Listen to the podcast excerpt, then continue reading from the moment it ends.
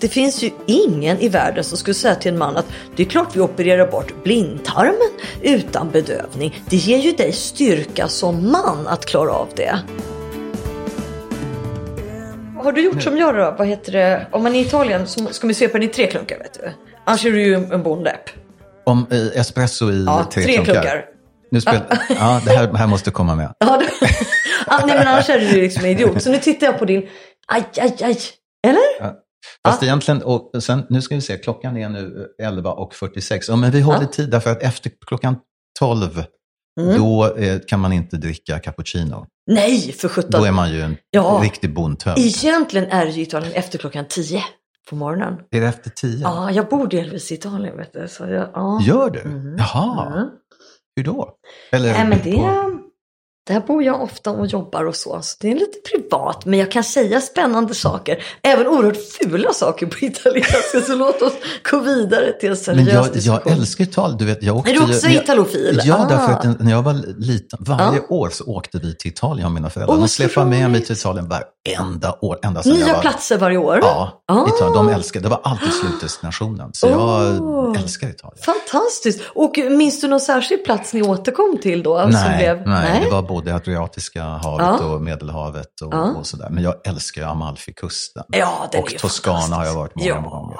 Och så. Vad brukar du hålla hus? Ja, jag gillar ju Ligurien väldigt mycket. Mm. Och det är ju för att det är så fiffigt med italienska rivieran. För att du har ju franska rivieran bredvid. Ja. Och sen så kan man ju till exempel flyga in till Nice. Ja.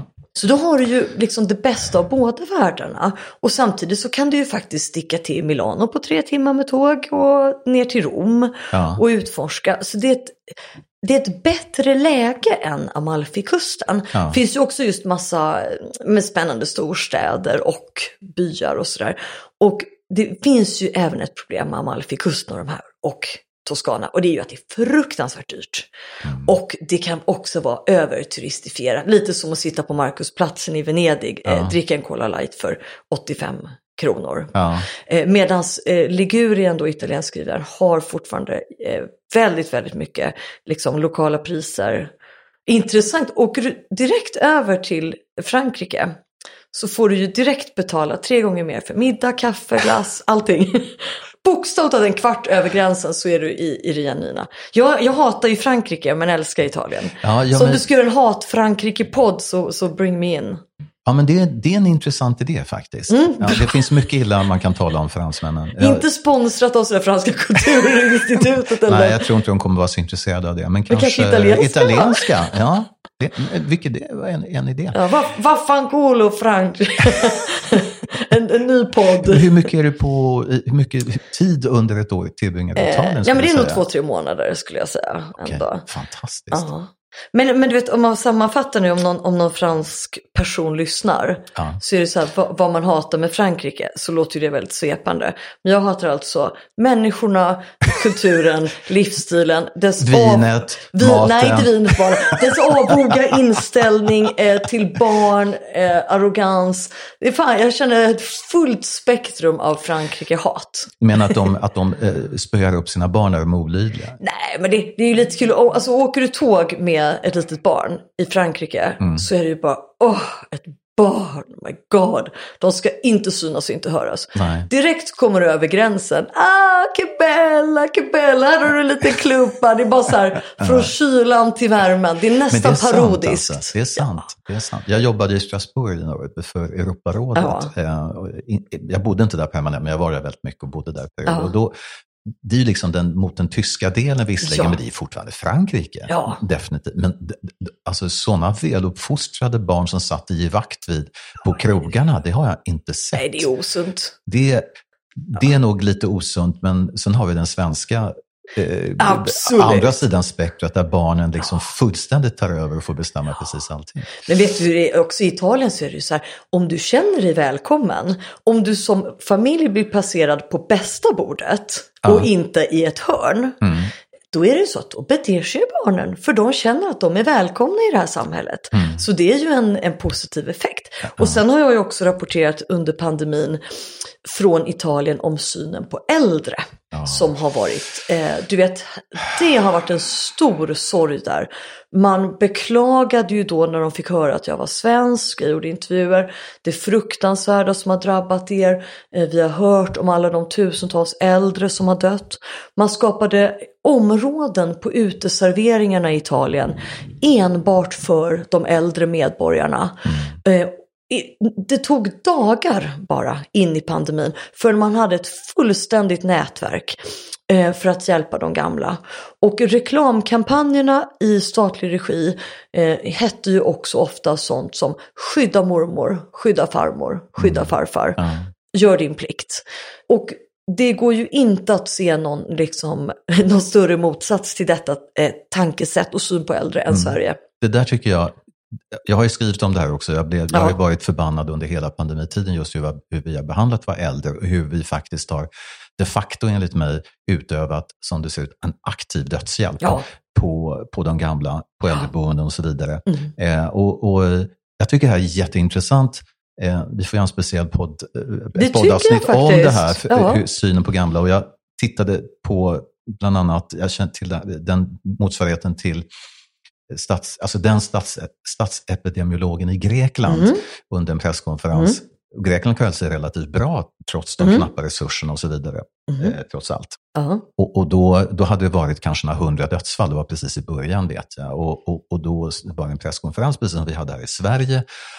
Och då ställde någon grekisk journalist frågan, men de som har, om, de som har avlidit, det är väl Mhm. mest gamla? Och den här statsepidemiologen gick i taket. Han blev så förbannad, han bara skälla ut Mm. journalisterna. Det här, är, det här är din Ja. farfar, det kan vara din Ja. mormor, det är de som har byggt upp landet och så Mm. vidare. Mm. Kan du tänka den reaktionen från Tegnell? Nej, absolut Eh, inte. Så att det här är ett problem och varför det har blivit en Mm. sån, att det, att det blev så olyckligt och tragiskt och fullständigt oförlåtligt Mm. när det gäller Mm. behandlingen på syn på våra äldre i Sverige. Mm. Det kan man diskutera verkligen. precis. Var den här människosynen kommer ifrån och där, enligt min åsikt, kallhamrade sättet. Oerhört eh, kyligt. eh, kyliga Oerhört sättet kyligt. att och, och behandla det på. Och jag tycker också hur vi inte har haft till exempel, eh, jag har väl länge väntat på liksom, eh, fler tysta minuter. Det hölls någon eh, exakt. minneshögtider. Exakt. Jag gjorde en insamling i början av pandemin under sommaren då 2020. Mm. Fick ett tryckeri att sponsra det för att jag såg att folk hade lagt blommor bara på måfå utanför riksdagen.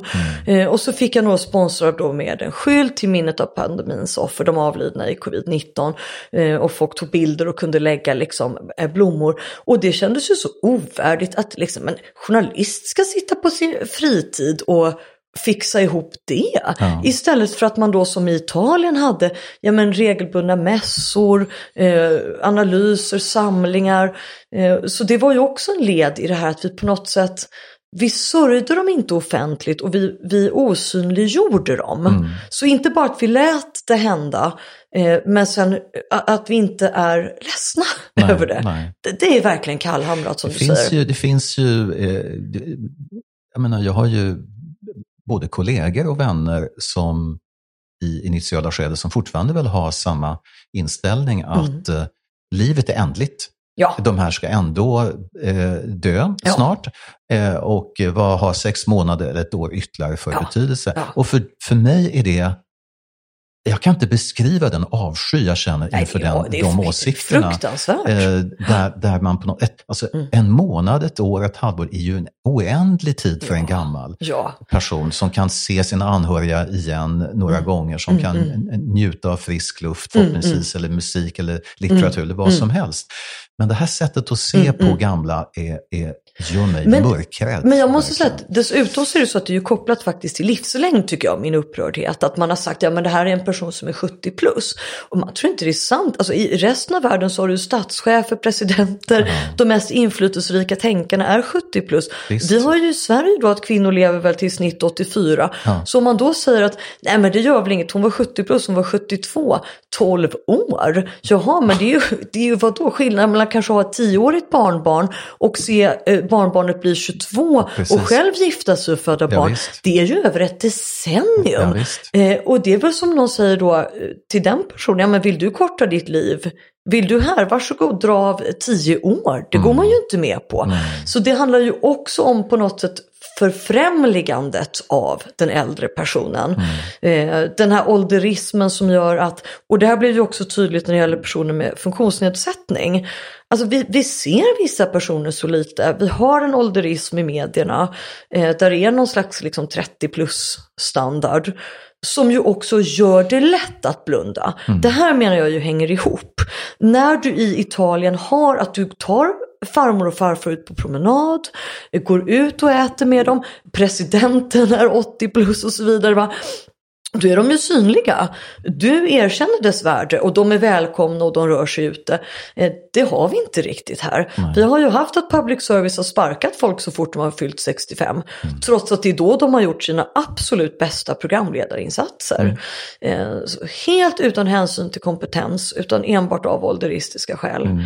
Eh, så apropå om vi skulle prata lite idag om BB-krisen så har ja. ju den undertiteln Sveket vid livets början. Mm. Jag har ju funderat på att skriva en uppföljare då, eh, Ålderdomskrisen, Sveket vid livets slut, mm. som den ganska givna uppföljaren. Mm. Eh, just kring hur vi behandlar våra äldre.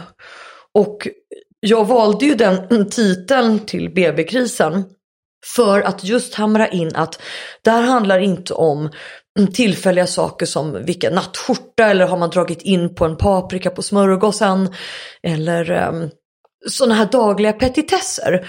Utan det handlar om en djup existentiell kris när ett samhälle inte kan ta hand om de som föder och de som föds. Och det är ju precis på samma sätt med ja, då krisen, krisen vid livets slut i Sverige. Att vi inte heller klarar av att ta hand om dem som liksom vi alla åldras, blir försvagade och dör. Mm. Eh, så det är ju ehm, Ja, vi kan ju gå in på det i detalj, men det, det, är ju tillbaka. ett sånt underbetyg i, en, i en civiliserad stat. Det får man väl säga. Ja, verkligen. verkligen. Vi har fått en flygande start ja. eh, kan jag säga på det här, det här avsnittet. Eh, och för de som mot förmodan inte vet vem jag sitter och pratar med så är det Lisa Bjurvald, journalist och författare och debattör.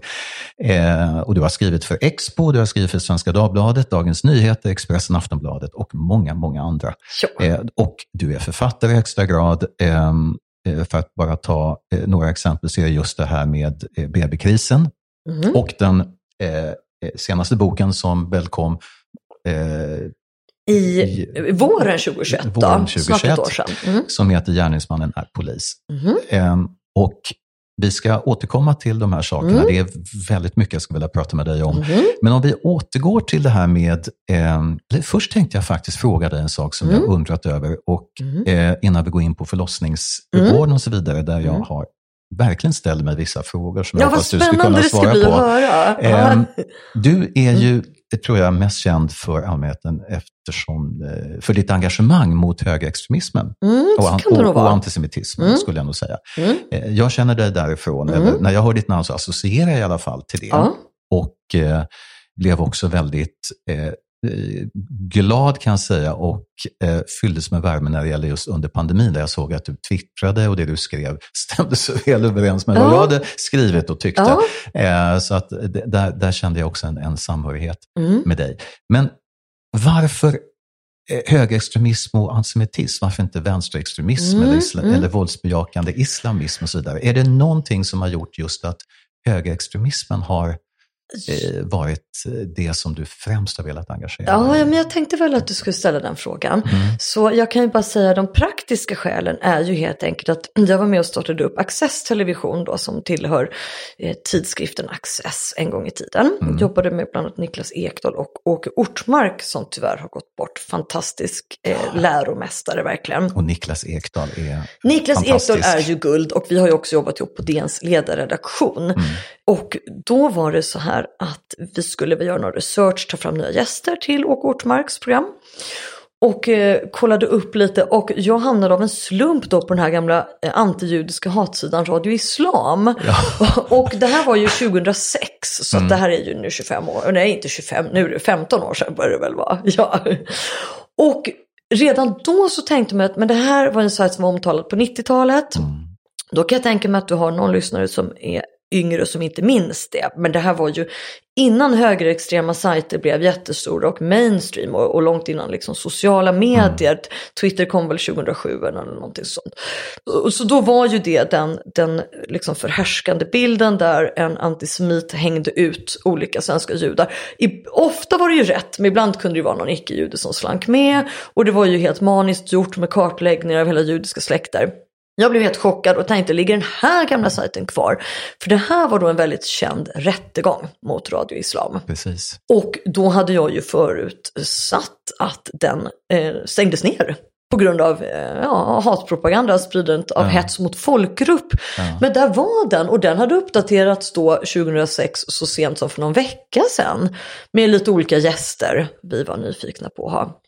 Och då så skrev jag och min dåvarande kollega journalisten Jonathan Lieberman en debattartikel om helt enkelt att det är vanvettigt att denna hatlista över judiska personer ska få ligga kvar helt öppet och sö sökbart på nätet. Ja. Och eh, då började jag skriva mer och titta på sådana frågor och se hur många av de här sajterna finns det egentligen, hur stora är de här grupperna.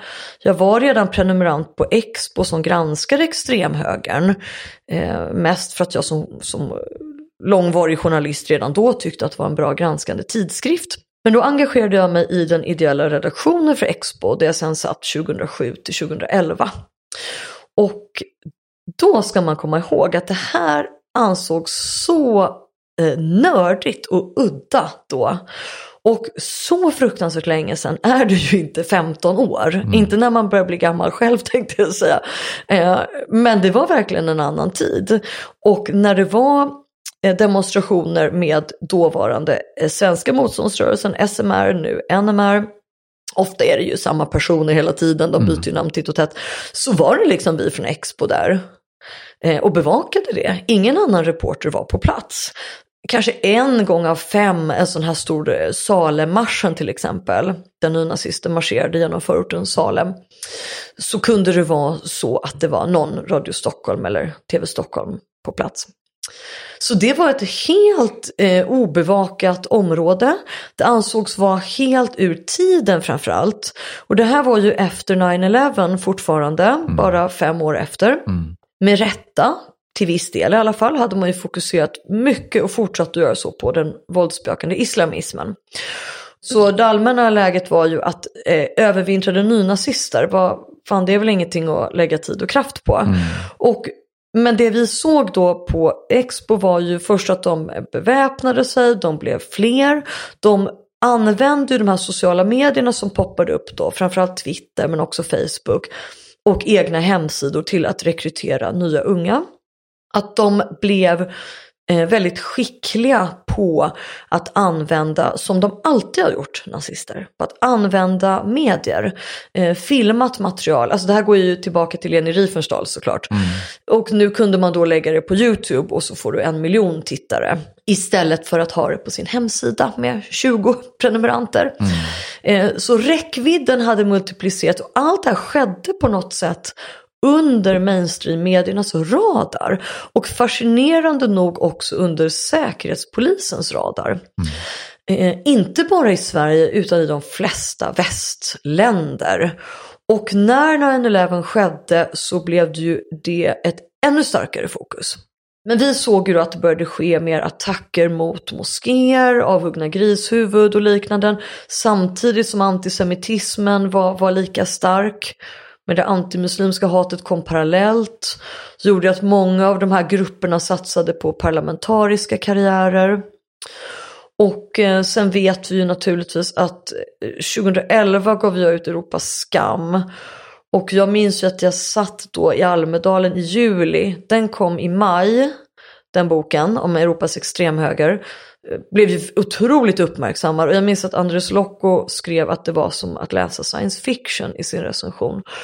Och då tänkte jag yes, äntligen en person som hajar det absurdistiska liksom inslaget i det hela. Att vi har vi har fortfarande så många överlevare från förintelsen och ändå kan man sätta på sig hakkorsliknande armbindlar och marschera med facklor genom romska bostadsområden i Östeuropa det är, det är science fiction att det här, mm. att det här ens är mm. möjligt så. Mm. Och särskilt när det är det här, vi får aldrig glömma och det här eviga tjatet och så, så, så går de på våra gator. Ja. Eh, så då hände det och sen så i juli 2011 satt jag med några Expo-kollegor i Visby och Almedalen. Eh, de kom dit, både aggressiva sverigedemokrater och nynazister, blockade allt vi gjorde. Eh, kom ungefär 50 pers på min release av Europas skam på Almedalsbiblioteket och satt och, och trackade folk och skickade hot. Och, och vi sa att no, nu händer det någonting. Nu, antingen så kommer de liksom försöka göra något bombdåd här eller hugga någon, någonting är liksom i luften. Det var så, så otrolig spänd stämning och sen så tre veckor senare så inträffade ju Utöja-massakern. Mm. Eh, där totalt 76 personer mördades av en enda enskild högerextremist. Och det innebar ju att till exempel Norge hade ju inte ens någon expert på extremhögern. Nej. Så underbevakat hade ämnet varit. Så jag som precis hade utkommit med den här boken och som sen kom ut också på norska några månader senare och Expos chefredaktör Daniel Pohl, vi fick åka i skytteltrafik eh, Sverige-Oslo. Jag livebevakade sen hela Breivik-rättegången för Norges motsvarighet TV4. Mm. Eh, hela under liksom ett års tid. Och Eh, därför att det fanns ingen där som var insatt och kunde förklara vad är de, vad vill de, vad har de för idéer, vad är kontrajihadism, eh, vad finns det för internationella kopplingar. Eh, så det säger ju väldigt, väldigt mycket. Mm. Och sen är det klart att det finns också, för att anknyta till din ursprungliga fråga, liksom, eh, intressanta grejer med extremvänstern också. Inte minst med upploppen i Göteborg där kring 2000. Eh, men ofta är det ju så att extremvänsterns aktioner är ju en reaktion, en fysisk reaktion, inte en känslomässig reaktion, på extremhögern. Så att till exempel eh, går NMR till Norrköpings synagoga och hänger upp hängda dockor, eh, då kan du senare samma kväll se en NMR-medlems bil vandaliserad.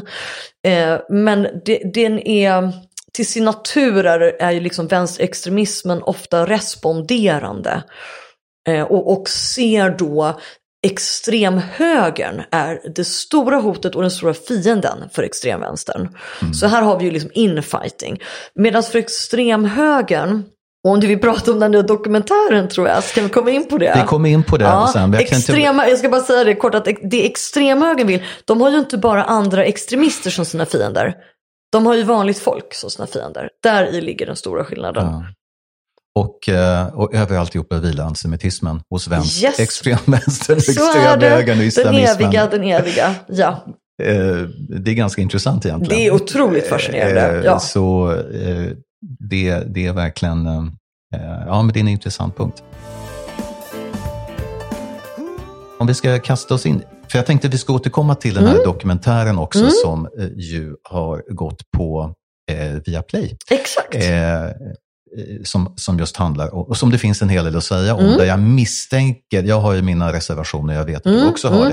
det. Eh, men innan dess mm. så tänkte jag att vi ska eh, kasta oss in eh, mm. ett ögonblick på förlossningsvården. Ja. och jag vet, du har ju kommit ut med, med en bok mm. eh, som handlar om, om BB-krisen. Och jag såg också ett inslag i eh, TV4, ett klipp där du var med, där du intervjuades om det här. Och du säger ju bland annat att de svenska kvinnorna har blivit svikna. Ja, ehm, och, eh, men Sverige har ju den lägsta barnadödligheten, mm. vad jag förstår, i världen. Mm. Och eh, på vilket sätt tycker du att de har blivit svikna? Mm. Ja, jag, jag gick ut, eh, kommer jag ihåg, i en replik till Läkartidningen just om det där. Därför att jag menar ju att det är ju fullständigt orimligt att vi ska ha eh, samma ribbor som i, på landsbygden i Subsahara i princip. Och då eh, eh kommer man ju alltid med det här att vi har en lägsta. Vi, vi har låg mödradödlighet, nästan ingen dör kommer man med hela tiden. Eh, nästan ingen kvinna dör, nästan inga spädbarn dör. Det är faktiskt en hel del spädbarn som dör ska sägas, så det är lite att ta i, men det är i alla fall färre kvinnor som dör. Men det, det, är ju verkligen ett svek att man har lagt ribban så oerhört lågt. Därför att det handlar ju inte om att vi ska överleva våra förlossningar, eh, halva Sveriges befolkning. Utan det handlar ju om att det ska gå till på ett tryggt och patientsäkert sätt. Och eh, såväl barnmorskekåren som läkarkåren har ju varnat i många, många år nu för att patientsäkerheten kan inte upprätthållas. Och då är det inte så att man pratar fram framtidsscenarion här, utan det är så som det ser ut på många förlossningskliniker redan idag. Och eh, barnmorskorna och barnmorskefacket säger ju att en väldigt vanlig vardagssituation för barnmorskor, alltså när du och jag sitter här och poddar, eh, är att man får välja då mamman eller barnets säkerhet. Eh, barnet har eventuell syrebrist som kan leda till svåra hjärnskador och kvinnan har en större blödning och då har du en barnmorska som ska ta hand om tre patienter. Och då måste man göra sådana prioriteringar. Eh, och det här är inte patientsäkert. Så det har liksom redan fastslagits. Men det jag också menar med att, att vi har svikits är ju att det har pågått så länge. Alltså när jag satt ner i KBs arkiv så tyckte jag ju först att det var lite kul att hitta samma skämt i eh, kvinnotidningar från när min mamma var med i grupp 8 på 70-talet. Exakt samma skämt som dras på Instagram idag men det skrattar man väl åt i ungefär en halv sekund. Sen inser man ju den djupa tragiken i att kvinnor i 40 år skämtar på samma vis. Ett sånt är då om en man som går till tandläkaren och tandläkaren Läkaren säger Nej men snälla du, det är klart att vi rycker ut den här tanden utan bedövning. Män har ju klarat det här i alla år. Inte ska du väl, vi har inte tid att pjoska. Så gapa nu stort. Och om du bara djupandas så blir det bättre. Och sen kan du väl gärna stå upp också när vi drar ut tanden. För att det finns jättemånga här bakom eh, av er som står på kö.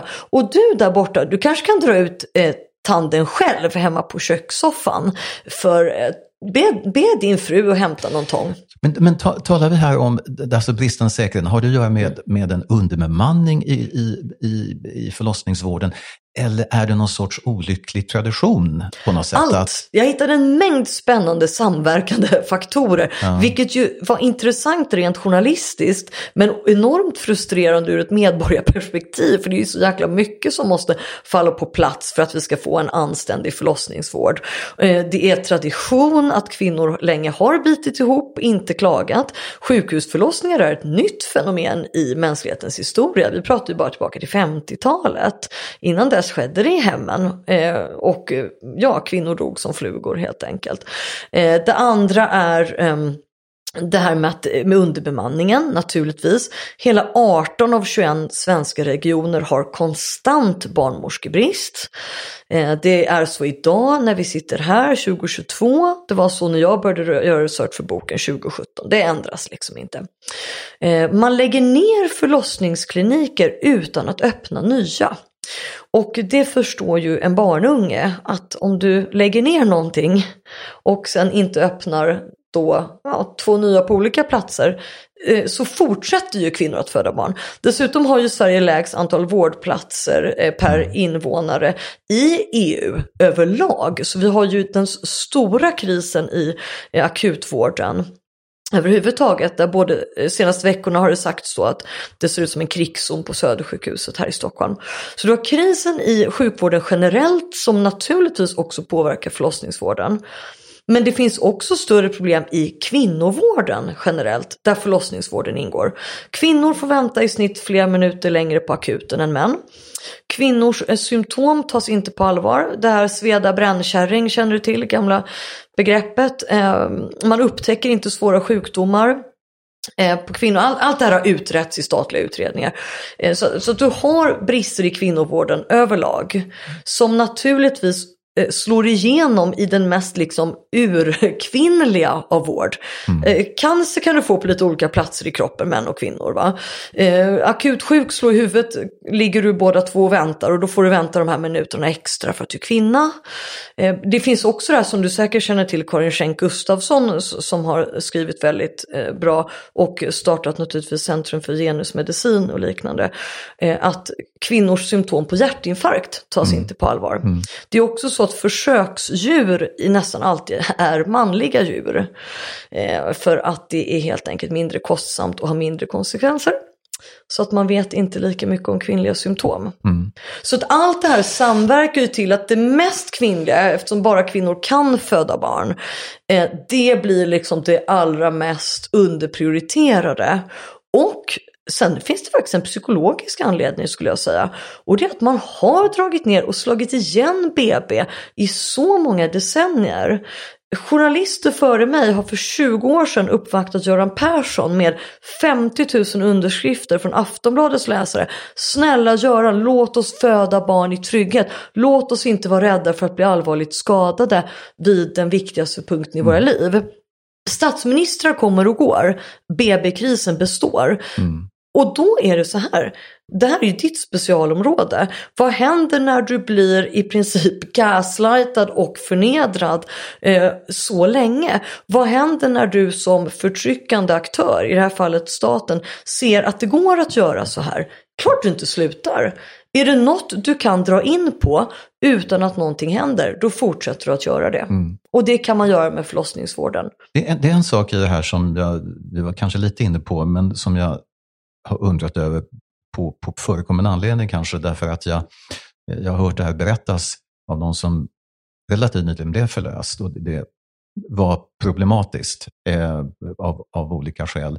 Och Det hade att göra med att eh, den här kvinnan tidigare hade eh, vid den första förlossningen, det var andra barnet nu det var frågan vid första förlossningen så, så blev det kejsarsnitt. Och det var ganska besvärligt och det tog tid och så vidare. Um, så att man hade på något vis förberett föräldrarna att, person, att nu vill vi gärna att det ska vara kejsarsnitt, inte på en gång, men att det ska finnas en beredskap för det därför, och så vidare.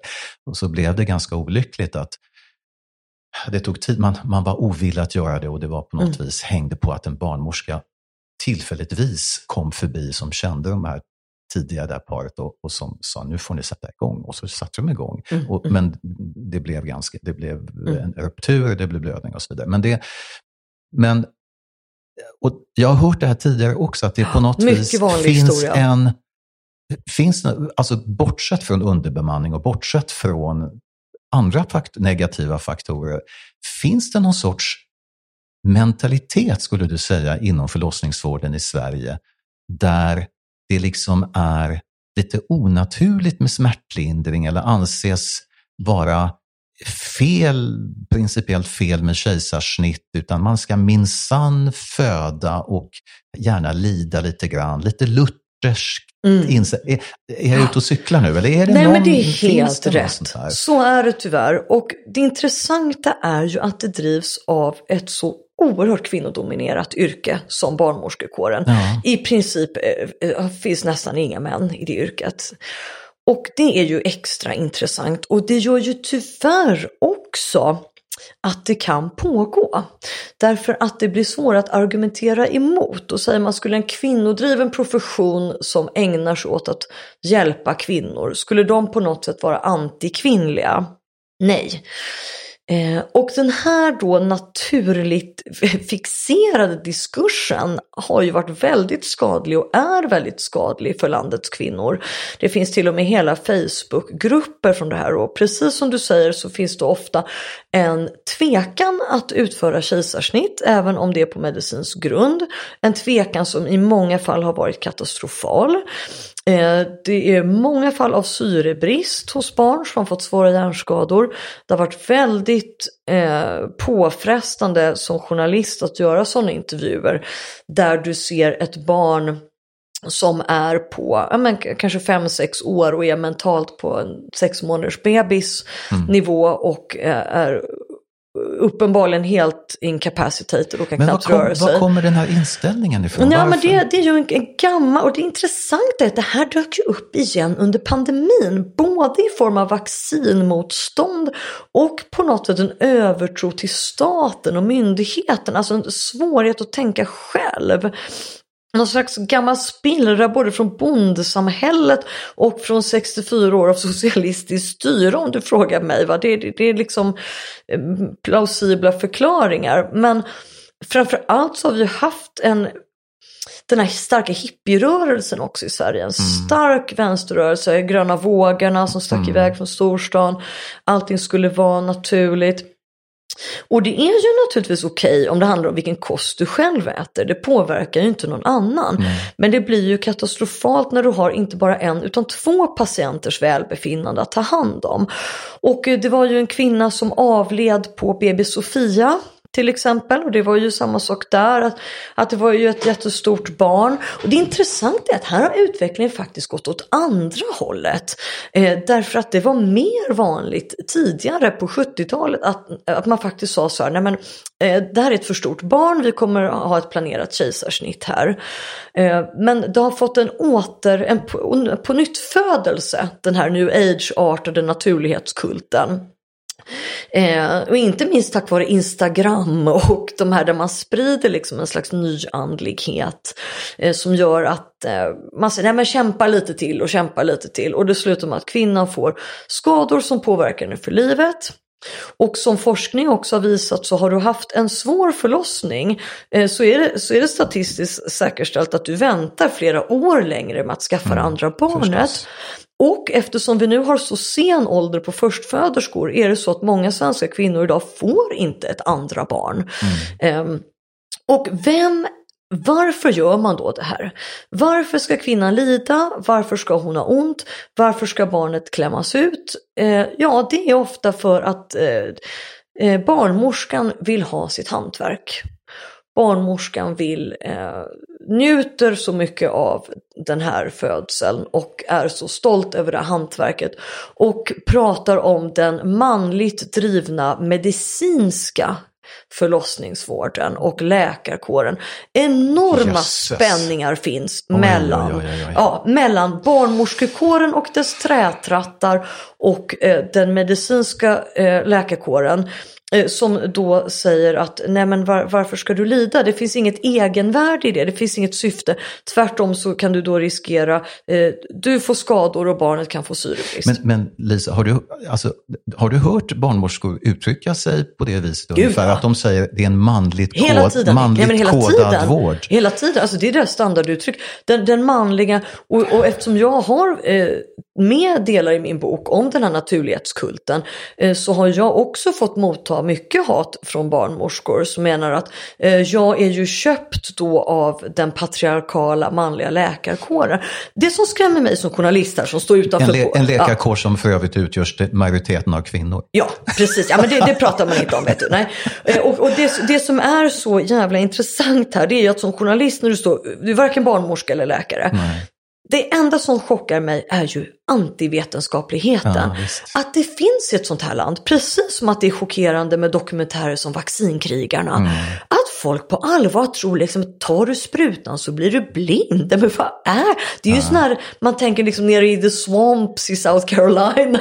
Ja. Riktiga hillbilly-teorier va? Men det är jättespännande det här, ja. kopplingen som inte jag riktigt tänkt på. att eh, Eh, nej, man ska inte vaccinera sig för att det är ett chip där eller så vidare. Men det är, det är i alla fall giftigt. Det är Big Pharma. Det, det är Big Pharma. Men, mm. men det handlar ju om det handlar ju om att, man, att det ska vara så att säga naturligt. Mitt, och autonomi, träffade, glöm inte autonomi över den egna kroppen. Jag, jag intervjuade ja. en kvinna som inte alls hade med det här ämnet att mm. göra, men som sa då att jag är inte vaccinerad. Varför det? Jo, jag minsann jag litar på mitt immunförsvar, det ska vara ja, naturligt. Ja. Och då kan man ju tänka sig mm. mm. den kopplingen, det här ja. som, jag, som slår mig nu när du berättar Exakt. det här, den här kopplingen till att nej, men det ska vara naturligt, du ska klämma ut det här barnet, du ska inte få, få kejsarsnitt. Och vet du vad det värsta är? Det är att precis den argumentationen förekommer så utbrett och då säger man så här, kvinnokroppen klarar allt. Mm. Du måste lita på din egen kropp. I alltså officiella böcker skrivna av ledande barnmorskor som delas ut till landets gravida kvinnor så står det sådana formuleringar. Det leder till två saker. Ett, att kvinnor som då, ja till exempel att barnet är för stort, det hamnar snett, havandeskapsförgiftning, det vet ju du, det finns ju en mängd skäl eh, till kejsarsnitt, känner sig fullkomligt misslyckade och mm. vittnar om det i Facebookgrupper. För om kvinnokroppen klarar allt, om en riktig kvinna klarar allt, vad är de för något då? Som inte klarade det, utan var tvungna att låta en manlig patriarkal ond läkare skära upp dem. De är inte kvinnor, de har inte fött på riktigt. Och sen kommer de tillbaka tillbaka och säger ah, jag hade en så traumatisk första förlossning. Vaginalt eller kejsarsnitt spelar ingen roll. Mm. Nu ska du förstå, nu ska jag hjälpa dig, säger barnmorskan, och bygga upp din tilltro till den egna kroppen.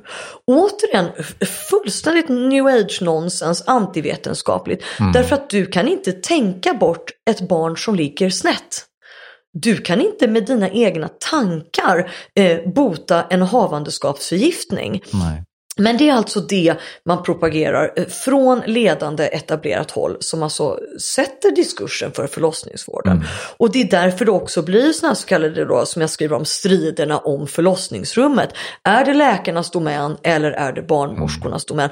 Och barnmorskorna har i många fall då vägrat att ge över rummet eh, till läkarna som får säga att nu ska det här barnet ut. Vi, vi riskerar patienternas liv. Jag vill bara försöka lite till och hon kan om hon bara vill. Mm. Ja, men jag, jag, jag har hört vittnesmål som mm. precis som, eh, känner igen det här. Och, eh, eh det här är verkligen eh, intressant. Mm. Eh, jag tänkte att ehm, Ja, vi får återkomma till just ja, det och ämnet. Jag ska göra en liknelse. Du vet jag sa det här med tänderna och mannen, det här med tandutdragningen. Ja. Det förklarar väl du som man. Ja. Stefan, du kan väl gå och dra ut tanden här runt hörnet mm. utan bedövning. Mm. Och precis samma sak så är det ju med det här med kvinnor och föda naturligt. Att det finns ju ingen i världen som skulle säga till en man att det är klart vi opererar bort blindtarmen utan bedövning. Det ger ju dig styrka som man att klara av det. Mm. Eh, så det du säger till kvinnor är är ju helt annorlunda och forntida än så som vi talar idag till manliga patienter. Mm. Så det är jättespännande ja. tycker jag. Ja, verkligen. Mm. Jag tänkte vi skulle gå över till ett annat som mm. intresserar mig väldigt mycket också och där mm. jag faktiskt har jobbat aktivt, eh, nämligen som polisläkare. Eh, Gärningsmannen är polis heter din senaste ja. bok. Och eh, det finns mycket att säga där också naturligtvis. Och där, när det gäller polis, eh, polisen och det som händer inom mm. polisen så har ju jag, alltså både du och jag som skriver aktivt, vi har ju olika källor, vi mm. har saker och ting som kommer till vår kännedom mm. eh, i det här landet och mm. vi, väldigt mycket kan vi inte skriva om därför att det är vi har fått i förtroende den informationen ja. eller det skulle åtminstone för mig varit så att det kräver sådana enorma grävinsatser mm. och resurser så att det mm. finns liksom inga möjligheter till det. Nej. När det gäller polisen så har jag varit väldigt medveten om, eh, och den källa jag har och har haft är extremt pålitlig och har en, en unik insyn i polisledningen. Och det som har framkommit är att det är för det första eh, en förminskande av kvinnor, att man aktivt förhindrar eh, befordring av kvinnor. Eh, kvinnor som vågar säga ifrån alltså i ledande ställning råkar ofta illa ut på olika sätt. Det förekommer en vänskapskorruption, en extremt osund grabbighet och till och med fall där någon, eh, någons älskarinna får en hög tjänst och där mannen i fråga naturligtvis också sätter lönen. Mer än så vågar jag kanske inte säga. Nej, jag, vet, jag vet ju, frågan är om det är samma. Jag tror ju tyvärr att det finns flera sådana. Jag tror inte ens vi har samma. Eh, ja. Men det är väl, och ja. det finns väldigt, väldigt mycket annat som har kommit till min kännedom ja. och som, är, som fick mig att bli väldigt, eh, om inte chockerad så i alla fall extremt förvånad.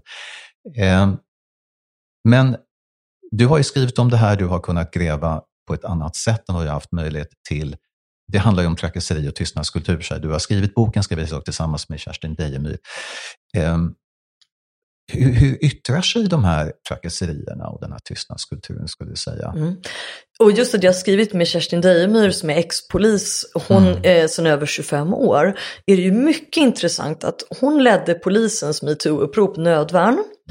Och hon polisanmäldes av polisen för det arbetet och tvingades bort. Mm. Det tar jag upp för att det säger i princip allt du behöver veta om, det, om Polismyndigheten. Mm i andra organisationer, till och med andra vad vi kan kalla macho eh, arbetsgivare med liknande strukturer, hierarkier, uniform, våldsmonopol liknande som försvaret, så har man lyft upp ledarna för metoo-försvaret, gett dem bra tjänster, sagt att här kan du samla in material, du är en stark och modig person som vi vill stärka. Du gör ett viktigt arbete. Men just inom polisen så gjorde man sig av med ledaren för sitt metoo-upprop. Mm. Eh, så det, man vill inte ta tag i de här problemen, det är tydligt. Och då är det ju från, vi har ju enbart fokuserat, eller framförallt fokuserat på sånt som är eller gränsar till att vara olagligt. Och det är jätteviktigt att komma ihåg. För att jag har varit journalist nu i 25 år och jag är helt okej okay med folk som svär, folk som är ute och superfestar, säger könsord, whatever. Eh, journalistkretsar är jävligt osunda i sig på väldigt många olika sätt. Det finns en machokultur. Det är fine. Så det är jätteviktigt att säga att det finns inget liksom, smakdömande här i. Nej. Utan vi pratar alltså om eh, alltid nya unga rekryter. Ha, skriker man, ha, vilka kommer här? Vem har störst pattar? Vem är snyggast? Vem är gift? Vem är inte? Vem ska du dra över i veckan? Eh, du som står där framme vid kaffekokaren, du ska väl servera oss gubbar. Kan du inte ha kjol på dig nästa gång så det blir lite trevligare?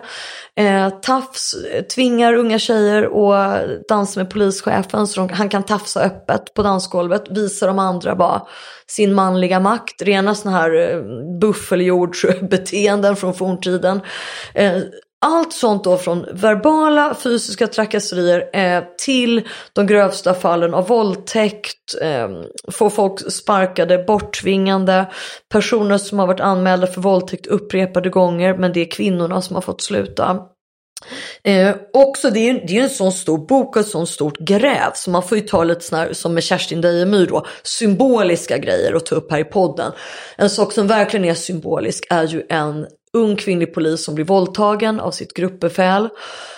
Och den fackliga representanten säger, bara så du vet så är det så att du kommer tvingas bort och han kommer få vara kvar.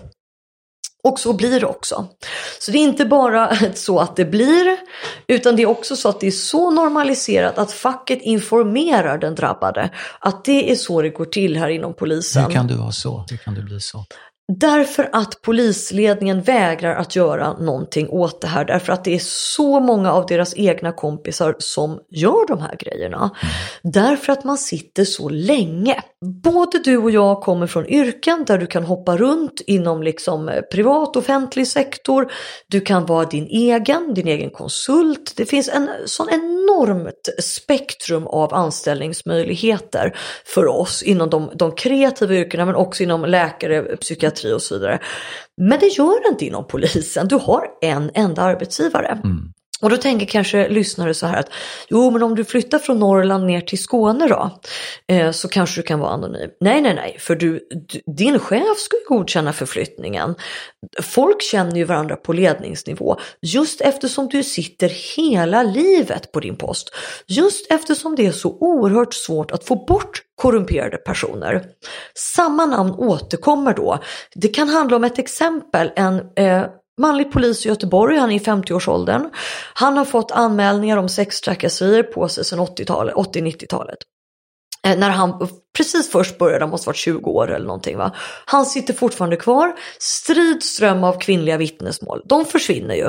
Eh, övergår till att jobba civilt eller som väktare eller blir sjuksköterskor eller skaffar helt andra jobb.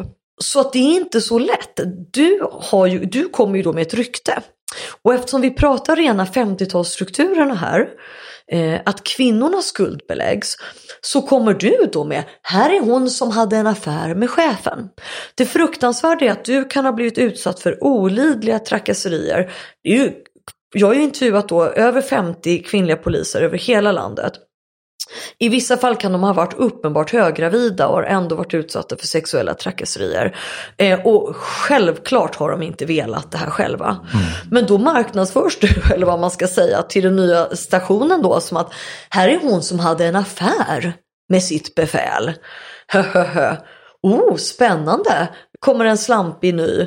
Eh, trots att hon då kan komma djupt traumatiserad och har tvingats fly från halva landet för att undkomma de här trakasserierna. Eh, så det är systematiskt skuldbeläggande och det är också som jag hellre vill lyssna på vad du har att säga. När vi har den här typen av skämt där man säger så här, men bara, det sitter ett gäng poliser i en bil och så snackar de så här mm, så att en kvinnlig eh, polis hör.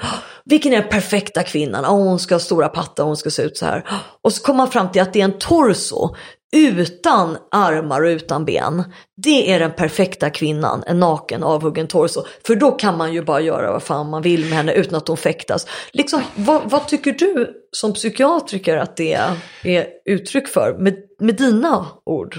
Jag, jag, jag, tror inte det här med, jag skulle nog lämna det utanför psykiatri, det är mer allmän, allmänmänskligt.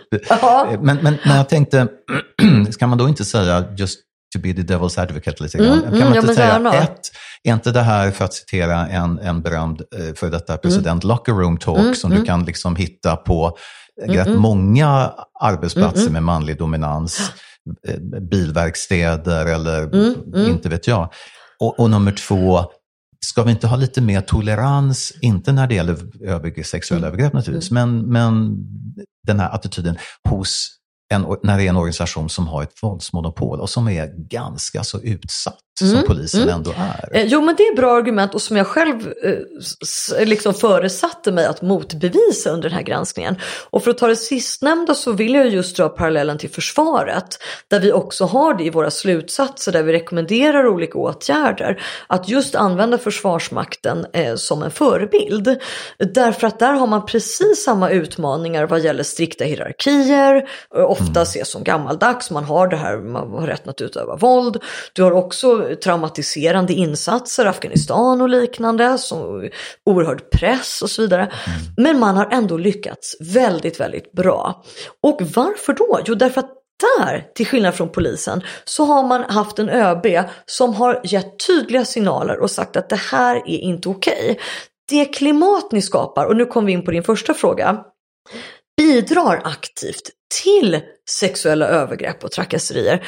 Det bidrar till en, en eh, osund miljö som gör att hälften, ja inte riktigt hälften i det fallet, men en väldigt stor del av våra anställda som är kvinnor inte känner sig trygga och mår dåligt och inte kan göra ett så bra jobb som de borde kunna göra. Mm. Eh, så att ni måste se den här kopplingen. Så där, eftersom man är en så hierarkisk organisation så spelar det, vet, vad jag och Kerstin säger, fan, det skiter ju de i. Vad är det här för, för två feministkärringar som kommer och ska sänka och rota i våra grejer? Mm. Det kunde inte ha mindre betydelse. Vad det kvinnliga upprop och vittnesmål, det är jävla svikare, för så är du. Du har svikit kårandan, du har skvallrat om vad som pågår. Du, du, du är en förrädare. Men det faktum att polisledningen år efter år misslyckas med att sätta ner foten och säga Vet ni, det här är inte ett okej arbetsklimat. Det spelar ingen roll om ni skämtar om svarta eller om kvinnor eh, eller om ni, ni uttrycker det grovt på det här sättet. Det upplevs som hotfullt. Folk känner sig inte trygga och säkra här. Sluta med det. Mm. Eh, så det handlar ju om, jag ger ett väldigt exempel för att vara klockren här nu då. Man säger så här, för fan vilket svin han var den där vi tog. Det, det är ju helt sjukt, han har, han, har, han har spöat på både sin fru och barnen. Honom skulle man fan hänga upp liksom. Det är klart att man får snacka så. Men det vi pratar om här är kollegor som inte behandlar hälften av sina kollegor som arbetskamrater utan som eh, objekt och som mobboffer. Eh, därför att de är kvinnor. Eh, man ser dem som villebråd som någon kan, som kan göra tjänster för dem. Eh, oavsett om det är koka kaffe eller någonting grövre inne på toaletten. Va? Och det leder till en väldigt destruktiv miljö. Och så där vill jag jämföra med, med journalistkåren. Och min erfarenhet är ju att det där saknas ju. Du kan ju verkligen ha en grov retorik och du kan säga det är för fan, han är inte klok den här politikern som har intervjuat. Han bara sitter och ljuger och jag önskar att jag inte behövde skriva ihop den här skiten. Eh, men det är ju sen ingen som säger att honom skulle du bra gärna vilja ligga med va? Det ser jag ju på dig att du inte har fått ligga på länge. Då, du vet, då skulle ju den kvinnliga redaktionschefen, den kvinnliga reportern skulle säga Fan Anders, vad sitter du och säger? Mm. Har, du, har du förlorat vettet? Det är skillnaden. Det kan vara agg utåt. För, för ordningens skull, kan man inte, finns det inte exempel på, jag har hört exempel på att kvinnliga eh, kvinnor i, i chefsställning inom polisen tar sig enorma friheter ja. och trakasserar manliga ja. poliser som är underställda dem. Ja, ja, men jag skulle säga trakassera män och kvinnor. Därför att det är ju det här som är så intressant. Att man har också fått någon idé inom polisen att bara du tillsätter en lokal kvinna någonstans, då löser sig allting. Mm. Men det har ju varit då de som har varit bästis och bundis med de manliga förövarna och har blivit en i det manliga gänget och gör vad fan som helst som streber för att sitta kvar. Och är Nej, helt ointresserad. Ja, vissa, vissa som har berättat ja. att de en kvinnlig chef mm. Eh, hade satt i system att liksom mm. komma fram och massera axlar och ja. någon slick, att de slickar någon på örat. Och... Det är väldigt mycket mindre utbrett. Men, men vi har absolut hört det, fast det är väldigt sällsynt. Men och det här handlar ju om chefskorruption. Mm. Det är så att du tillsätter, om du, om du kommer in i en sån här organisation, du är där i 20 år, du blir själv tafsad på under den här tiden. Äntligen slipper du det här jävla golvet. Mm. Nu får du sitta där inne och bossa. Och här är som sagt, det här är hierarki. Det här är mm. det som spelar roll. Eh, Kerstin Deimy har en fantastiskt rolig lista i boken som tyvärr är helt sanningsbaserad över hierarkin. Och då är det ju först då eh, stilig manlig chef i medelåldern, mindre stilig manlig chef i medelåldern. Och så går det ända ner till, och det lägsta är då snygg kvinnlig ung civilanställd som inte ens är polis. Men du vet, det är en hierarki på så här 7-8 punkter. Ja. Så det är klart när du när äntligen kommer dit som kvinna, tror att du börjar snacka om, om mångfald och, och jämställdhet, no way. Du är ju skolad mm. I något som vi har kunnat visa börjar redan på Polishögskolan. Där de säger, ah, nu tar vi bort den här jävla akademiska tönten som har pratat om grupptänkande och vad fan annat. Nu jävlar ska Värdegrund. Ni... Ja, du vad är det här? Det finns inget som heter grupptänkande, det finns bara kåranda.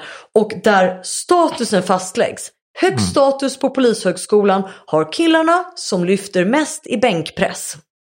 Lägst status har männen som kommer från akademisk bakgrund och eh, ska piskas in i, i den föråldrade macho-stereotypen. Ja. Jag, jag tog upp det också, för det hinner vi inte avhandla nu, men jag tror, och jag tar upp det här också i min, min bok om incels, just när det gäller manligt kvinnligt, att, att den här utvecklingen att eh, kvinnor mer och mer åker om män socioekonomiskt. Och jag, tyck, jag, jag tycker det är så spännande att spekulera i vad som kommer hända i framtiden med en när kvinnor får mer och mer makt, vilket de ju får, på, mm.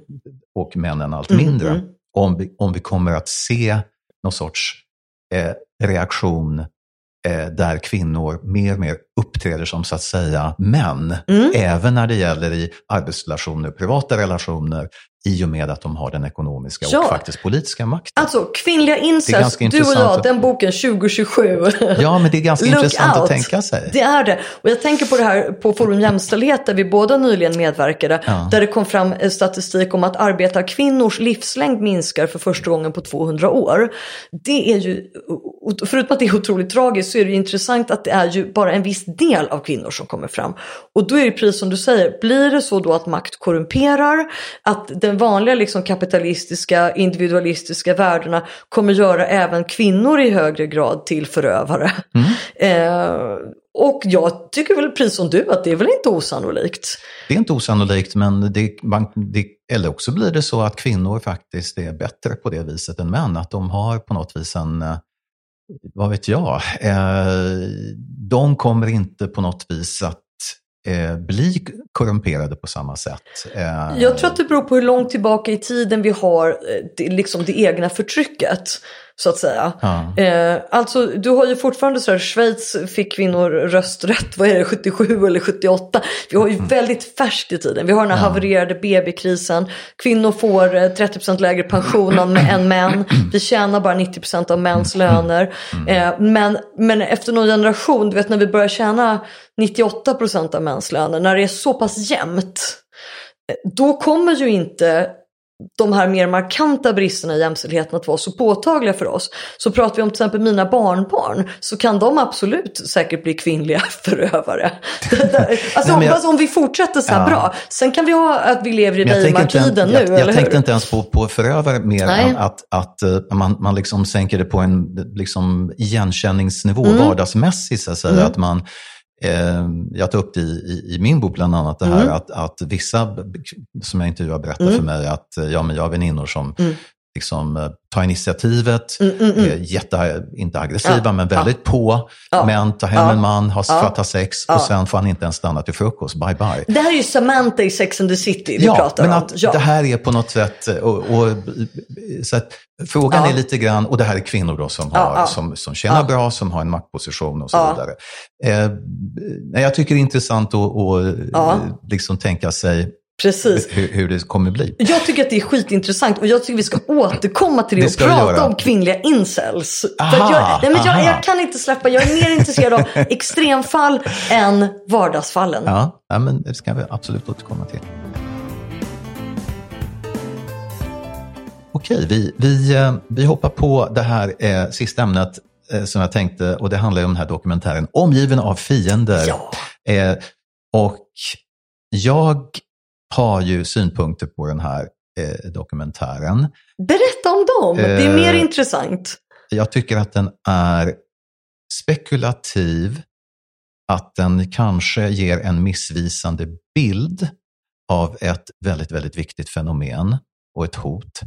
Eh, jag associerar naturligtvis till en annan dokumentär, åtminstone kallades det för dokumentär, eh, Kalla fakta gjorde en eh, dokumentär om incels. Det finns mycket att säga om det där. Eh, jag tycker att det var skräp. Eh, det var, eh, fanns en hel del som jag vände mig emot där. Eh, jag blev ombedd att vara med, inte bara ombedd, utan det handlade väldigt mycket om att det skulle byggas upp kring min medverkan har jag förstått. Jag tackade nej eh, därför att jag misstänkte att det skulle bli sensationsinriktat, att de så kallade incels man hade lyckats ragga upp, att de eventuellt, om de var incels eller inte, men att de åtminstone gick att identifiera på ett sätt som var olyckligt. Det fanns väldigt mycket, men framför allt, och det var ett spel för gallerierna väldigt mycket. Det var tyvärr en, en, en, eh, en så kallad dokumentär, det var ett reportage mer skulle jag säga, en dokumentär, som oh. vred klockan tillbaka. Mm. Så att jag, tänk, jag associerar naturligtvis till det här. Och när jag har sett den här Omgivna fienden, den här dokumentären, så är jag lite tveksam av precis samma skäl. Men jag vet att du har synpunkter och har skrivit om det här också i, i en artikel i Expressen. Mm. Jo, det, är ju, det handlar ju precis som du säger om Först och främst, varför gör man någonting journalistiskt? Varför skriver du eller varför gör du en dokumentär? I den här Kalla fakta-dokumentären, om vi kallar det för det, om incels, så upplever jag, eh, som bara sett lite av den också, att här handlar det om att haka på ett fenomen. Mm. Att haka på en trend och det var ett hett ämne och man vill göra liksom sin egen snabba story på det. Exakt. Ja, eh, vilket inte är varför du skriver böcker eller varför jag skriver böcker. Precis samma sak ser jag i den här dokumentären Omgiven av fiender som bara som ren praktisk första kritik är alldeles för lång. Vi har hela sex avsnitt. Mm ah, 40 minuter styck. Och tydligen så vill inte SVT enligt Expressen köpa in den därför att de inte tilläts att klippa i den, vilket säger väldigt mycket därför att den borde varit max tre delar. Va? Och det handlar också om... Det tycker jag med. Ja, men, men inte bara av dramaturgiska skäl utan också av hur mycket uppmärksamhet ska man ge? Det är så enormt utdraget. Mm. Sen är den sensationalistisk och eh, den, eh, eh, jag kallar den liksom lite för martyr-tv i Expressen då, vissa delar av den. Och det är därför att upplägget är att man ska tycka synd om dem. Man ska liksom känna att de är utsatta och de har förlorat så mycket. Och det här är inte ointressant, men det måste kompletteras av offren och de hotades bild. Alltså man måste då, gör man det här där de får säga det är så synd om oss eh, som blir uthängda för att vi projicerar hakkors på gigantiska byggnader i Sverige eller eldar upp Koranen, buhu, stackars oss. Eh, då måste du ju gå och prata in depth alltså med eh, till exempel muslimska barnfamiljer som bor i dessa områden. Och så, hur känner ni när det kommer hit stora tv-team och ska elda upp er bok? Hur känner judiska församlingen eh, när de måste berätta för sina barn eh, vilka det är som projicerar en jävla gigantisk svastik utanför deras sovrumsfönster? Därför att om du saknar offrens perspektiv och de drabbade, de hotade, de utsattas perspektiv då riskerar du att skapa bara någonting spännande och kittlande mm. som unga människor faktiskt kan lockas av. Och man, man, för att det är klart att det är intressant att visa att det är vanliga snubbar med familj liksom, som sitter. Jag fattar hela den där kameragrejen som man slipper, thank God, när man skriver böcker. Och man ska sitta och fika i ett kök, någon ska ta fram mysmugg, man ska zooma in på någon så här gullig blomvas. Alltså det, det är klichéartat på det sättet mm. verkligen. Eh, men, men jag hajar, det är verkligen för att säga liksom, de, de är inte monster, de är vanliga eh, familjer också. Men då vill man ju se konsekvenserna för annars blir det ju så här, ja ja, det där kan man ju låta dem hålla på med. Men det är en annan sak som jag, som jag och det här... Mm. Vi har, ja, det, det finns det, så mycket, men, men det, var bara en. Jag vet, och jag håller helt med dig, men det är också en annan sak, att mm. även om man nu känner nej, men jag, offren, det får bli en annan, mm. annan serie, mm. fine. Ja. Men om man nu ska intervjua de här mm, människorna. Mm, jag tycker det, att, jag mm, håller med, det är verkligen mm, intressant. Det, det, jag är verkligen ja. nyfiken på folk, det är därför ja. jag gör det jag håller på med. Ja. Men det, det kommer inga motfrågor. Nej. Det, det är ingen follow-up oh, överhuvudtaget. Det är fruktansvärt. Bristen på motfrågor är, det är det som irriterar mig nästan mest, skulle jag säga. Och det här är att ett problem också mm. som har blivit aktuellt i och med Joe Rogan, mm. i och med mm. vissa poddar i Sverige. Ja. Jag tycker att det är det låter fint och det, jag kan köpa resonemanget att mm. ja, men jag bjuder in gäster, jag ska inte nämna namn, alla vet nej, vem jag nej. menar nu. Mm. Jag ska bjuda in gäster ja. som äh, anses obekväma eller som, ja. som anses kontroversiella och så mm, vidare. Vi har en mm, mm. demokrati, fritt samtal, det är så vi kan nå varandra. Bla, bla, bla, bla, bla, bla. Ja. Fine, okej, okay. men då har man ju ett för fan ett ansvar om man Såklart. bjuder in gästen. Ja. Att du kan inte ha en förintelseförnekare Nej. som får bre ut sig om, om, om muslimer och judar Nej. och så vidare. Utan att ställa några motfrågor, istället bara humma och säga ja, det där kan jag inte eller det vet jag ingenting om. Annars har ju, går allting överstyr. Och, och om tillräckligt ja. många Eh, om vi utvidgar det, eller som Joe Rogan, bjuder in mm. antivaxare mm. och andra mm. och så vidare. Fine, gör det, men, mm. men var påläst och ställ lite motfrågor. Exakt. Därför att om man normalisera det här, så att mm, säga, mm. då blir det till sist så att din åsikt är mm. lika mycket värd som min åsikt. Eller din, din min sanning, sanning. Oh, vad precis, man är, på det. Ja. är lika mycket värd som min sanning. Precis. Och var ja. har vi hamnat då någonstans? Nej, exakt. exakt. Så. Och det där är ju livsfarligt och det där håller ju både politiker och debattörer och, och allt från nazister till vanliga riksdagspolitiker på med nu. Mm. Eh, och... Eh, man pratar på ett sätt som, som om det inte eh, får någon mothugg så blir den etablerade sanningen. För att medieklimatet är ju också så jävla snabbt nu. Man går vidare till nästa grej. Det som stannar kvar i folks minnen är då, jaha, det var det som var fakta. Eh, så jag kan förstå sådana som Joe Rogan, sådana här jävla idioter som inte har någon journalistisk utbildning. Vad fan, han vill, han vill ha, de vill ha klick, de vill ha lyssnare, han har 11 mm. miljoner. Han har, ja, jag tänkte alltså att han har ett större lyssnarskala än hela Sverige, vi är 10,5 miljoner. Ja. Eh, det är ju ofattbart egentligen. Han har större lyssnarskara ja. än vissa tv-stationer i USA. Visst, så. Så, att, så att fine, eh, det här är inte någon vi kan kräva ett publicistiskt ansvar av, tyvärr. Vi kan önska oss det, men vi kan inte kräva. Mm. Henrik Evertsson är journalist, han har gjort den här dokumentären. Vi kan definitivt kräva att han gör sitt journalistiska jobb. Ja. Du får inte sitta där och bara, nej men det här är den lyssnande approachen. Vad fan, det här är inte en terapisession, då får han gå hos dig liksom. Om, om, och det går jättebra. Det är väl jättefint att man får, men sänd det inte då för folk att höra. Mm. Utan du måste ju direkt, och det är allt från fakta till siffror till sådana groteska påståenden som att eh, Nej, men man, man ska väl ha rastänkande med människor som man har med kor och grisar. Eh, ja men vänta, stopp där. Vad menar du? Jämför du just kor och grisar? Hur tänker du då? Berätta lite mer. Och grejen är att det är ju dessutom en barnlek. Det är ju det som stör mig mest. Mm. Att är det någonting som är svårt att ställa motfrågor så är det slipade mainstream-politiker som hela tiden vill styra diskussionen åt sitt håll, få fram de egna tre, fyra poängerna som deras medieansvarig har sagt till dem. Under intervjun ska du hamra in det här hos reportern. Mm. Det är jävligt jobbigt och svettigt. Man kan ju lyssna på intervjuer med proffset Carl Bildt. Och det tror jag faktiskt att man till och med gör på riktigt på Journalisthögskolan vad jag vet. Ja. Just för att han är så jävla duktig på att hålla mm. sin spår. Ja, så han kan sitta och prata om trädgårdsarbete och någon försöker prata om Ryssland och Ukraina och han säger ja men den där tisteln där till vänster i hörnet. Mm.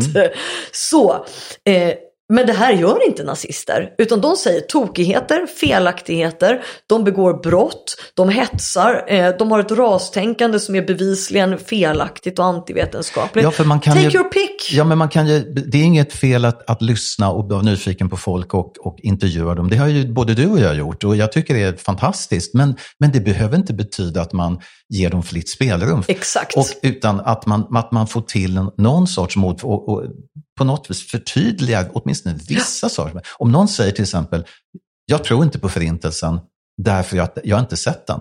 Okej, okay. så att om du inte har sett någonting, är det ett kriterium på att det inte har inträffat med andra ord? Mm, mm. Det är ju ganska given fråga, till exempel. Ja. Så att om jag tror inte på 9-11, eh, för jag var inte där och såg det. Exakt. Ska vi, är det samma, alltså det är ju så Precis. enkelt egentligen att ställa lite motfrågor. Och man kan göra det på ett vänligt, ja. nyfiket sätt. Ja, och, och sen känner jag också så här, det behöver inte vara så jävla smart och sofistikerat. Nej. För att dina tittare vet ändå inte lika mycket som du. Mm. Så det är klart att ibland när jag har intervjuat högerextrema eller personer med rasistiska liksom, åsikter så har jag kunnat drämma till med något jätteavancerat bara för att show off. Men det hajar ju inte läsarna. Nej. Så det är samma sak där. Han behöver inte säga app, app, app, enligt Nürnberglagarna så du, du, du, du, du. Nej. Nej, utan han kan bara säga så här, när det här är en av mina mest effektiva frågor. När började du tänka så? Mm. När började du känna så? Mm.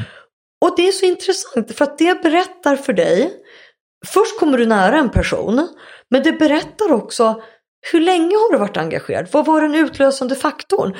När jag pratat med islamofober så kan det vara, när började du tycka så? Att då ofta att muslimer är lägre stående.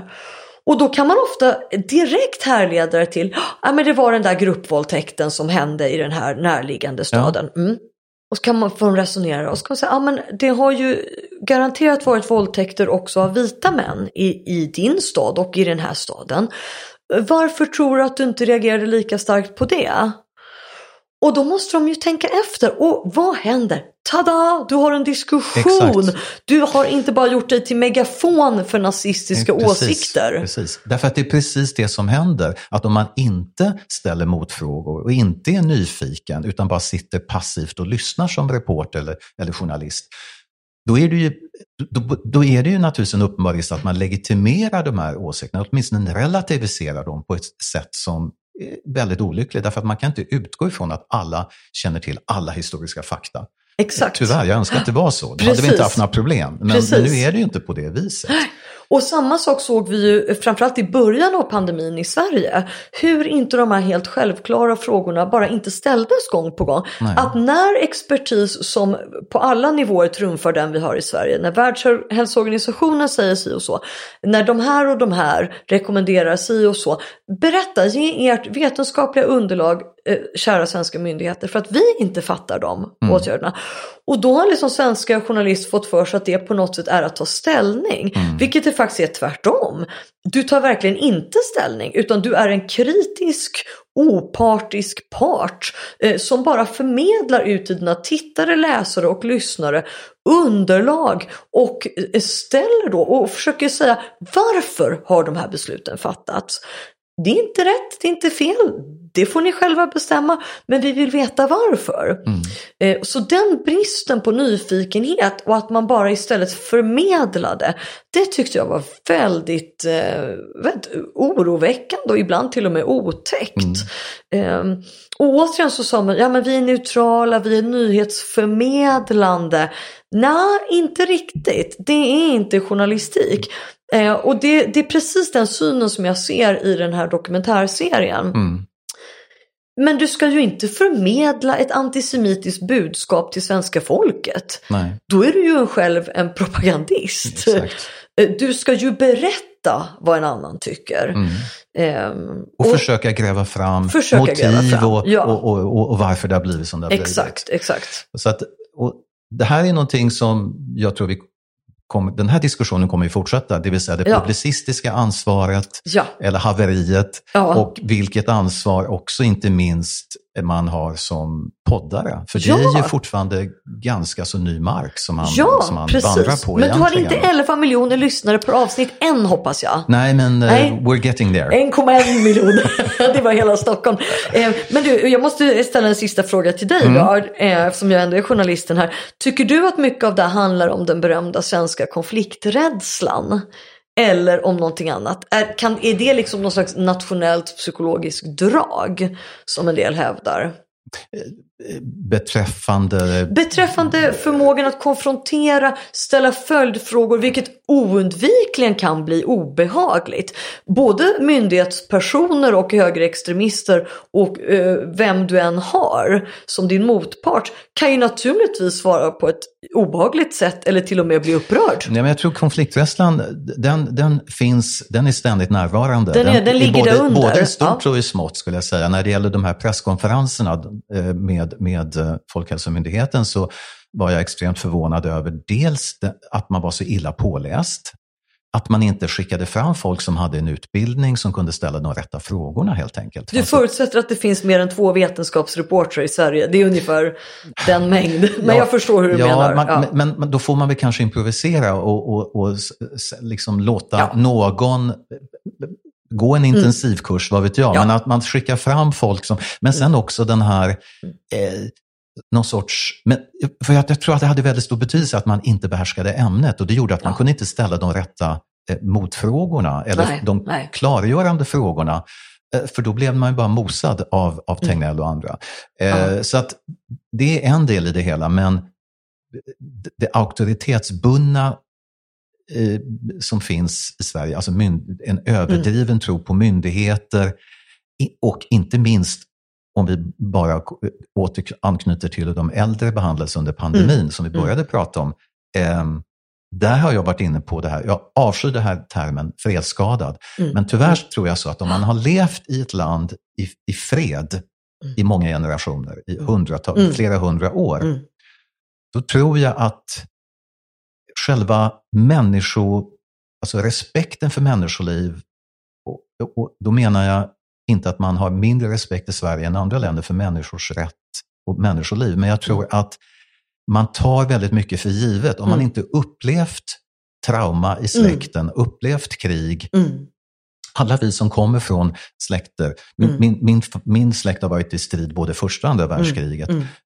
Mm. och, och, eh, olika generationer Mm, i min familj har haft olika uniformer på sig Mm, beroende mm. på vilken armé man har kämpat i. Så att det är på något vis, jag tror att det har en väldigt, väldigt stor betydelse. Mm. Man kanske blir mer känslig för människoliv. Man Ja. kanske blir, man är beredd att gå Ja. några extra steg för Mm. att rädda Ja. eh, just när det är äldre. Att man Ja. inte kanske talar i termer om att han Nej. eller hon skulle ändå dö om sex Och man månader. litar inte heller automatiskt på myndigheterna. Vi kan Nej. kalla det för lex Bagdad Bob. Jag som jobbar i centrala Stockholm och har gjort så under hela pandemin noterade att unga invandrartjejer från förorterna mycket, mycket tidigt hade ansiktsmask eller munskydd. Mm. Eh, En del hade till och med K95, många hade de vanliga blå på sig. Ja. De lyssnade på sina egna nyhetssändningar från liksom egna kanaler. Och, och jag tolkar ju det som att eh, ett, man har koll på vad som sägs i omvärlden. Men man, man gör också, man, är så här, man, man ser till att skydda sig själv och de andra. Mm. För du, du bor ju i multigenerationsboende. Du vill inte komma hem och smitta mormor. Men jag, jag tyckte att jag såg liksom alla- ändå tendenser till på något sätt något eget tänkande. Man såg de stod och snackade på plattformar att det var inget pussel utan de stod och höll avstånd. Eh, och tittar man också i såna här lokala nyhetstidningar som jag har haft koll på har det varit skitintressant att läsa. Eh, just den här att de unga i förorten från annan etnisk bakgrund på något sätt hajade galoppen. De var inte så jäkla inbitna på att det, deras vilja skulle fram. Jag ska minsann göra det här och det här. Utan det var verkligen så här, ja men vi har munskydd, vi vill Vi vill liksom, vi vill skydda oss. Mm. Ehm, så så det, det kan vara en kulturell skillnad där att man eh, Ja. Och sen har det, ju- är det ju faktiskt så att i många länder har ju myndigheterna varit direkt emot dig som förföljd etnisk minoritet. Mm. Så när, man, när, när vi säger, ja men nu säger FHM att pandemin är över idag så nu släpper vi på restriktioner. Nu är viruset slut, det bestämde staten. Så, så har ju de kunnat komma från liksom med den kurdiska minoriteten bl- blivit gasad av Saddam Hussein och sådana här fruktansvärda händelser. Så är det väl snarare så att man har en misstro. Och i just pandemiska situationer kan ju i alla fall en viss dos av misstro eh, faktiskt vara sund. Inte konspiratorisk, inte att man tror att myndigheterna är ute efter en naturligtvis.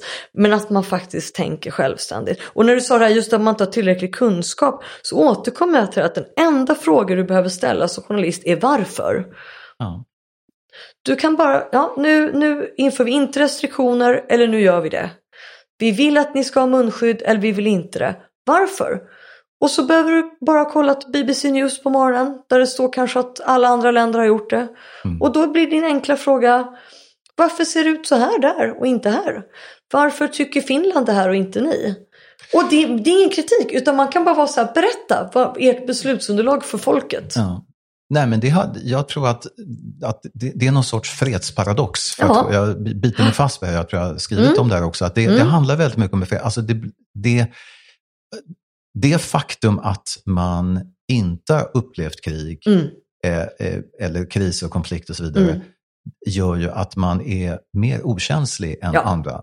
Ja. Och är man mer okänslig eh, och tror att en pandemi Mm. exempelvis Ja. när den närmar sig Sveriges gräns hoppar över Sverige Nej, och fantastiskt. ger sig på Norge istället. Ja. Eh, det, jag tror att det har en, en stor betydelse. Ehm, En slags trygghetspsykos liksom som Ja, vilar över landet. ja, Ja, ja. Nej, men jag, jag tror ju stenhårt på den linjen också. Jag men jag det. tror också att på vissa sätt så har, den, så har den gjort oss känsligare. När folk sagt herregud det är helt otroligt nu får vi gå in ge, genom framdörrarna på bussen igen. Och det har varit så fruktansvärt att sitta hemma här i, i vår medelklassmedietrea eh, i Alvik och isolera oss. Vad vi har lidit och jag gråter glädjetårar. Nej, men alltså, det är ju parodiskt. Ja. Eh, vi har offrat så lite att, att man känner eh, att det här har varit en stor uppoffring. Du har inte fått ta en drink efter klockan 10 på kvällen. Nej men vad är det för någonting? Jag menar, det, vi har ju till, till absolut till 90% kunnat leva fullständigt normalt. Vi har inte ens haft några skolstängningar. Våra, våra ungar har varit på, på dagis. Man, med, vi har kunnat sitta hemma med fantastisk wifi. Men vi har inte legat ner i några bunkrar direkt. nej. Eh, så det har varit chockerande för mig att se kollegor i journalistkåren eh, skriva i sociala medier de här fullständigt oironiska inläggen om äntligen är vi befriade från statens bojor.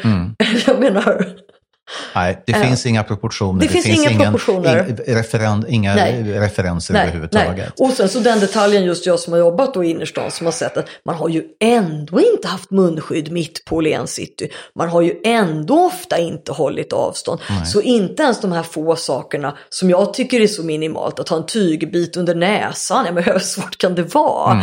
Mm. Eh, inte ens det har man ju orkat följa. Nej. Så det, det är ju på något sätt eh, sockret på kakan, vad ska jag säga. Ja. Eh, Det, det, det är ju ändå, ändå tyckte vi att det var för jobbigt. Ehm, så att nej, det är väl också en anledning till att jag har känt den här starka samhörigheten för att anknyta till början till Italien. Just ett land där man både har en slags proportionerlighet när det gäller att tala om vad ett offer verkligen är. Är det verkligen ett offer att ha den här tygbiten om din mormor överlever? Nej, det är det inte. Eh, är det ett offer för dig att sluta lite tidigare och gå till alla kvarterets gamla med en korg mat?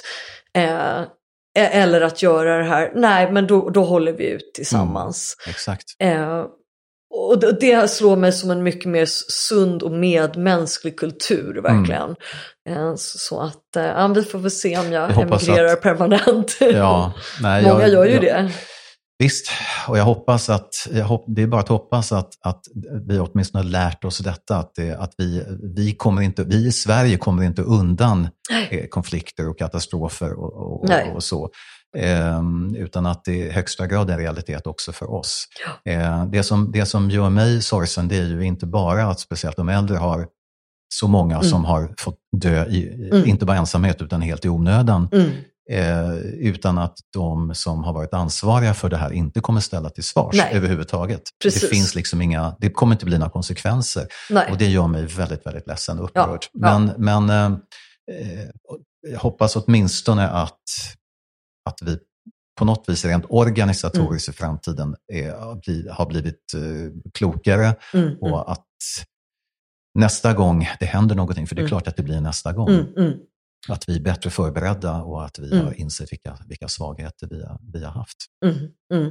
Jag hoppas detsamma och jag hoppas att vi blir bättre på ansvarsutkrävande för att det, det är en röd tråd Verkligen. i svensk statsförvaltning och jag tycker Mm. att det är svårt att svälja. Jag kan Mm. inte eh, gå vidare när saker inte utreds. Nej, nej. Det, det är eh, väldigt, väldigt svårt Mm. alltså att vi ska ha det här att vi alla ska gå vidare och tänka på annat på Mm. något sätt. Va? Ja, det är stötande. Mm. Jag tycker verkligen det. Lisa Burvall, tusen tack för att du tog dig tid att komma hit. Ja men Eh, tack och, för att jag fick vara med. Och eh, vi, eh, vi gör om det snart igen. Yes, då får vi ha podden Fredsparadoxen. Fredsparadoxen, det det är är en snygg titel du kom på det. verkligen. Mm.